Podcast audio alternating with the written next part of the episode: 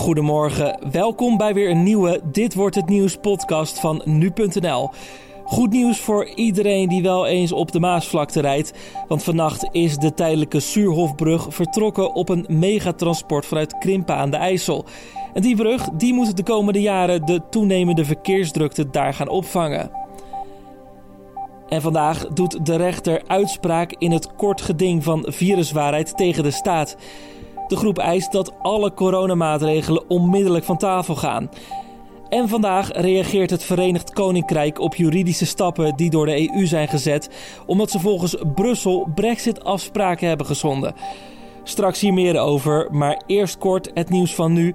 Mijn naam is Dominique Schep en het is vandaag maandag 5 juli.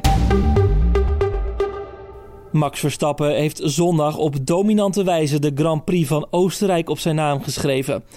Zijn grote rivaal Lewis Hamilton kwam mede door schade aan zijn auto niet verder dan de vierde plaats, waardoor Verstappen met zijn overwinning en een extra punt voor de snelste ronde nu 32 punten voorsprong heeft op Hamilton. Verstappen is bovendien de eerste coureur die in drie weken tijd drie races wint. De eigenaar van het containerschip dat in maart een tijd lang het Suezkanaal blokkeerde in Egypte, krijgt het schip komende woensdag terug. Volgens de Egyptische kanaalautoriteit wordt op die dag een ceremonie gehouden om de ondertekening van een akkoord met de eigenaar van de Ever Given en het vertrek van het schip te vieren.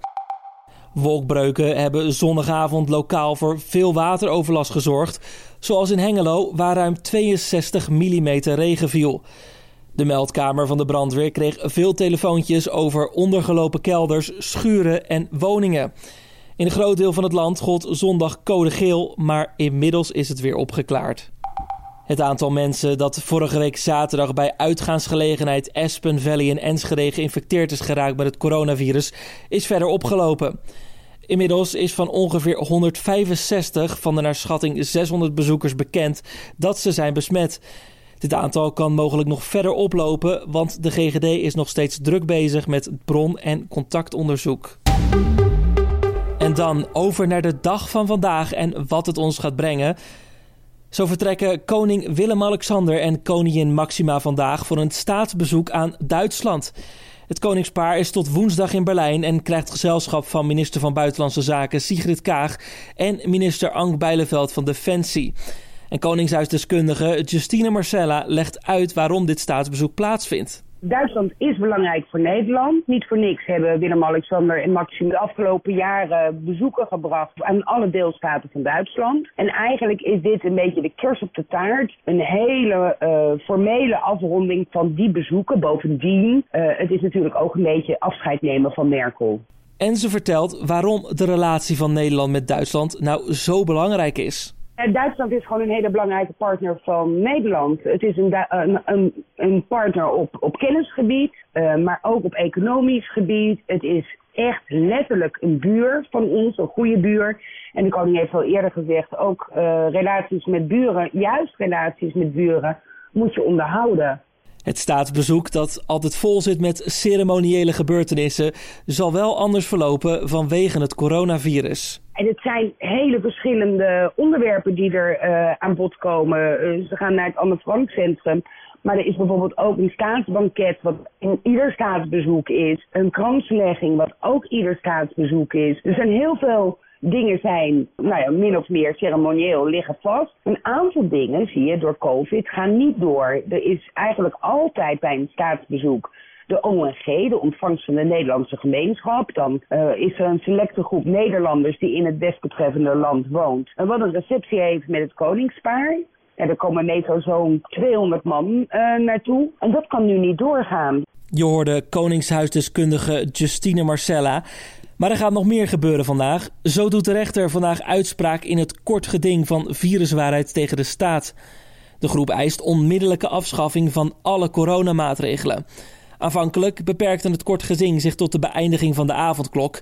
De staat had daarom ook verzocht tot de intrekking van het kort geding, aangezien die natuurlijk al van de baan is. Viruswaarheid weigerde dat en breidde haar vordering juist uit tot de afschaffing van alle coronamaatregelen. Het Verenigd Koninkrijk zal uiterlijk vandaag reageren op juridische stappen die door de EU tegen hem zijn gezet over het schenden van Brexit-afspraken. De EU startte in maart een juridische procedure omdat Londen, volgens de EU, eenzijdig heeft besloten tot het invoeren van controles op goederen die van Britse bodem naar Noord-Ierland worden verscheept. Daarmee zouden de Britten in strijd handelen met de voorwaarden van het Brexit-akkoord. Alle scholieren die afgelopen maand nog niet waren geslaagd voor hun eindexamen, krijgen vanaf deze week een tweede kans. De herkansingen gaan namelijk beginnen. Vanaf vandaag tot en met 9 juli kunnen zij een examen opnieuw maken om alsnog dat felbegeerde diploma in handen te krijgen. En Ierland zet vandaag een volgende stap in de versoepeling van de coronamaatregelen. Het aantal gasten op huwelijken gaat naar 50 en er mogen 200 tot 500 supporters naar sportwedstrijden. Binneneten bij horeca had eigenlijk vanaf vandaag ook weer mogelijk moeten worden. Maar dat is deels uitgesteld vanwege de verspreiding van de Delta-variant van het coronavirus. Alleen mensen die volledig gevaccineerd zijn of recent hersteld zijn van COVID-19 mogen in restaurants en bars komen om te eten. En blijft het weer zo grauw als de afgelopen dagen? Of komt die zomer eindelijk weer? Je hoort het nu van Weerplaza. Goedemorgen, u luistert naar het weerbericht van Weerplaza, opgenomen voor maandag 5 juli. Vandaag is er veel bewolking aanwezig en heel lokaal kan er eerst nog een enkele bui vallen. Maar op de meeste plaatsen blijft het heel de dag droog. In de loop van de dag breekt ook de zon wat vaker door. Het wordt vanmiddag zo'n 19 of 20 graden aan zee. En diepe landinwaarts kan het lokaal 21 of 22 graden worden. Er waait een matige zuidwestenwind. Later vanavond neemt vanuit het zuiden de kans op enkele buien weer toe. En ook in de nacht naar dinsdag blijft het niet overal droog. En tot slot dan nog dit. Een IndyCar race in Ohio, Verenigde Staten, is zaterdag volledig uit de hand gelopen toen twee coureurs het op het parcours met elkaar aan de stok kregen. Coureurs Heinz en Lemaster sneden elkaar af en botsten na afloop expres op elkaar. En daarna besloten ze op het circuit hun ruzie verder uit te vechten. De beelden van deze bijzondere gebeurtenis op het circuit vind je nu op nu.nl. En tot zover de Dit wordt het nieuws podcast van maandag 5 juli. Vanmiddag is er weer een nieuwe podcast. Fijne dag.